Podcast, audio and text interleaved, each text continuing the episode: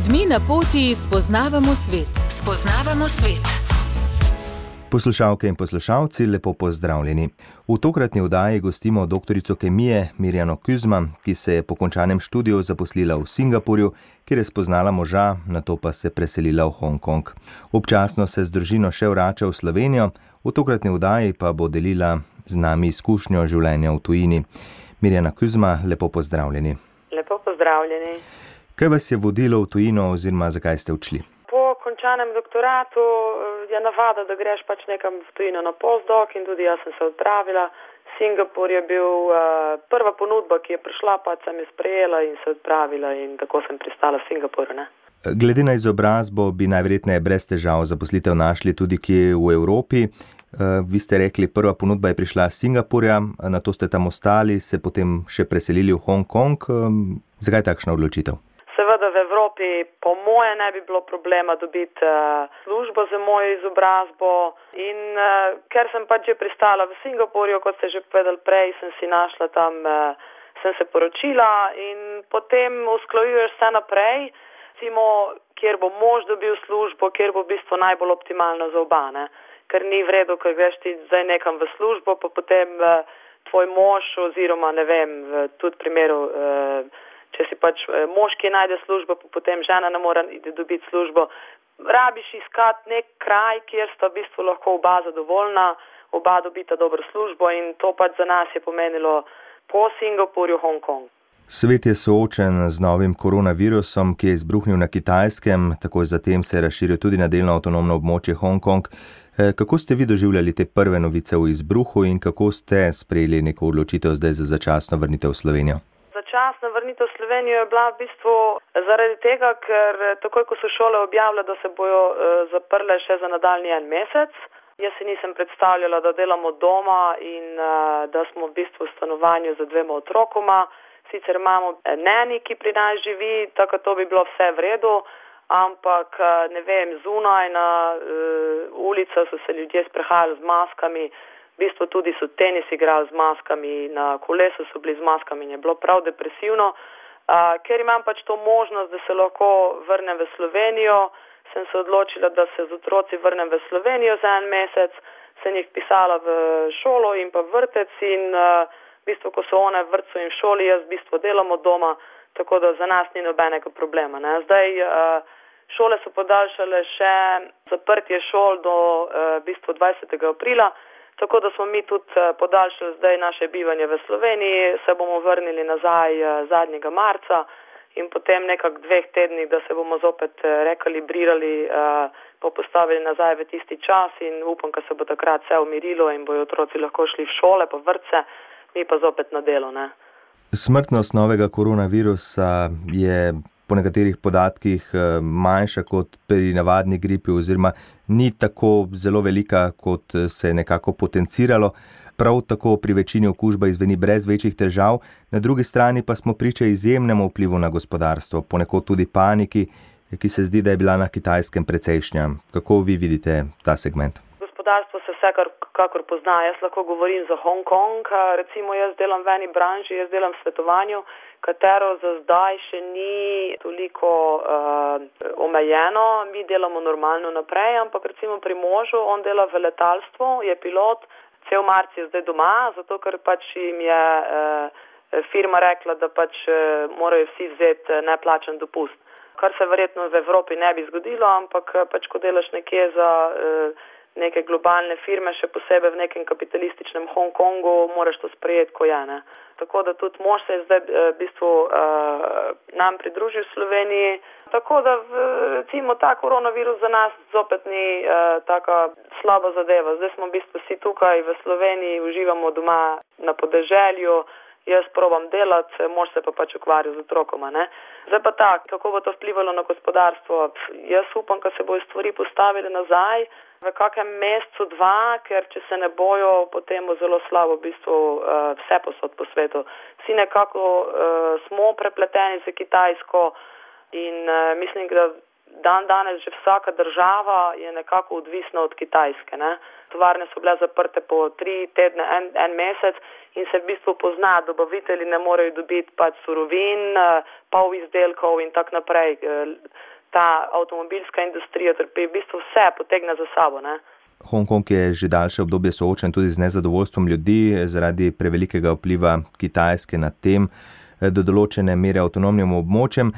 Priče smo bili protestom, nasilju. Kako vidite prizadevanja nasprotnikov kitajskega režima in tudi odziv uradnega Pekinga na to nezadovoljstvo?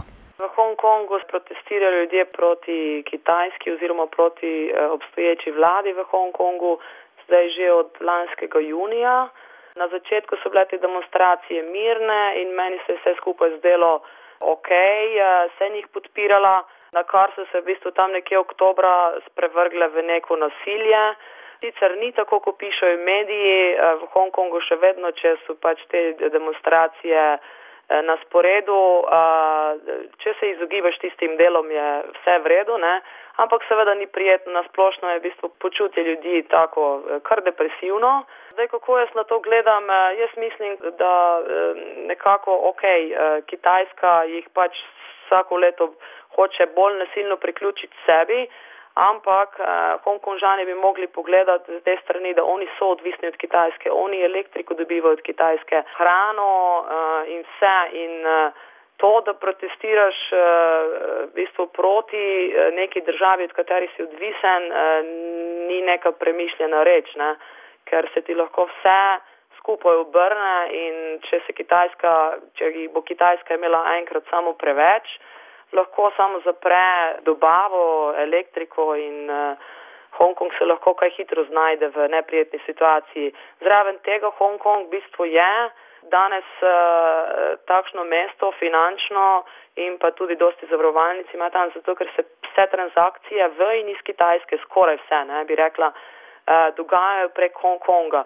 Recimo, ko bo Kitajska enkrat našla neko drugo mesto primernejšo oziroma bo začela svetovna javnost pa organizacije recimo neko drugo mesto uporablja, da gre recimo te transakcije vse skozi to drugo izbrano mesto, bo Hongkong v bistvu postal nula. Ne? Tako da meni se te demonstracije sploh ne zdijo smiselne, ker Hongkong ima svobodo, zdaj pa tak, ta svoboda izražanja še vedno je prisotna tudi če bi recimo, ne vem, tisti extradition bil šel skozi, oni ne bi bili tako ogroženi. Ampak dobro, to je pač njihov pogled in oni pač mislijo, da se morajo pač za, za svoje te pravice boriti. Čeprav jaz mislim, da zdaj več ni to politično, te demonstracije so se v bistvu sprelevile v neko nezadovoljstvo na, recimo, kažejo proti vladi, živijo v, recimo v majhnih stanovanjih, ampak pod pretvezo, da je to pač proti Kitajski. Ne? Ampak jaz mislim, da, so, da to nezadovoljstvo, ki se zdaj v bistvu zgrinja na ulice, se bolj kaže v tem, kako v bistvu tam živijo navadni ljudje. Ne? Ker Hongkong je eno izmed najdražjih mest in če nimaš ti recimo za dosti dobrega dohodka, ne živiš ravno uh, lepega življenja. Ne? Prav to je moje naslednje vprašanje. Kako ta dohodkovna neenakost, ki je prisotna, vpliva na socialne pravice in življenjski standard posameznikov? Kaj to pomeni pri najemu stanovanja, zdravstveni oskrbi in drugih zadevah? Bogatimi in uh, ljudmi z nizkimi dohodki je, mislim, da eden največjih v Hongkongu, pa tudi v Singapurju ni daleč. To pomeni, da recimo po deležu, recimo, da ima 10% ljudi v bistvu celotno bogatstvo eh, pod sabo, medtem ko eh, druga večina ljudi operira z zelo majhnimi prihodki. Hongkongu je kapitalistično mesto, ampak še vedno ima pridih socialnosti. Hongkongu je za vsakega še vedno poskrbljeno, vlada recimo poskrbi za vsakega državljana s tem, da jim omogoči posojilo, da si lahko pač vsak kupi stanovanje, ampak recimo, če manj zaslužiš, si lahko kupiš mogoče eno sobno stanovanje, tako da na koncu se zgodi, da lahko v bistvu ena družina živi uh, z velikimi otroci, pa tudi včasih babice pa detki živijo v kakem eno sobnem stanovanju, recimo kaj kvadrature 50 kvadratnih metrov. To se pol uh, občuti pri nezadovoljstvu ljudi. Ne? Dočim ona druga peščica ljudi, ki pa zaslužijo um, zelo uh, dosti več, pa potem živijo v nekih vilah in uh, tako naprej. Ne. Se vidi recimo ta most med bogatimi in revnimi.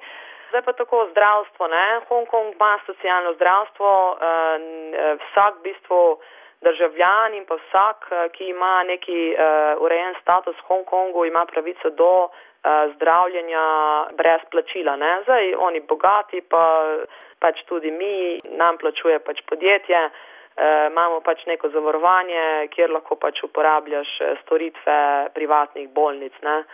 Čeprav e, javne bolnice nič ne zaostajajo za privatnimi, bi jaz rekla. Ne. Kaj pa kultura?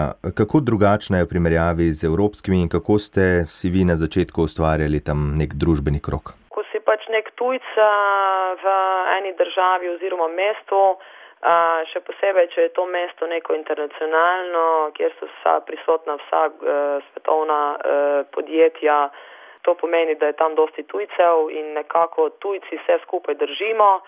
Jaz uh, se tudi družim z nekaj domačini, tudi delam z domačini, tako da v bistvu nisem samo uh, v krogu tujcev. Kultura je dosti drugačna uh, od naše, pač v prehrani se to vidi. Tudi v religiji, tudi v mišljenju, tudi recimo v tem, kar je njim prioriteta, kar je nam prioriteta, v vzgajanju otrok. Tako to je, tam je v bistvu uh, večinska kultura azijska z nekim pridihom v centru Hongkonga, z nekim pridihom zahodne kulture, ampak ja, večinska je pa v bistvu. Uh, azijska, ker vseeno je tam, ne vem, sedem milijonov recimo domačinov, pa eh, tam do enega milijona oziroma pol milijona eh, je tujcev. Ne. Kako pa doživljate prebivalce in kako se razlikujejo recimo od Kitajcev? Rekla, da se zelo razlikujejo, Hongkonžani se zelo razlikujejo od Kitajcev. Uh, vidi se, da so pač Angleži bili sto let prisotni in oni so povzeli zahodno kulturo, tem, da še vedno negujejo svojo azijsko kulturo. Recimo, izobraženi ljudje, eh, izobraženi domačini govorijo perfektno angliško, ne? Tako da v bistvu tudi so speti v te neke uh, službe z strani internacionalnih korporacij. Vi živite tam z družino, eh, imate tudi prijatelje. Boste v Aziji živeli na starost ali obstaja možnost, da se kdaj vrnete v Slovenijo? Sigurno se bomo vrnili za zdaj. Jaz upam, da se bo vse skupaj postavilo na noge, pa da bo ta panika okrog tega koronavirusa izginila, pa da se bo ti protesti umirili. Meni je Hongkong zelo lepo mesto z internacionalnim pridihom, zelo dosti se dogaja v kraju, kjer živimo mi.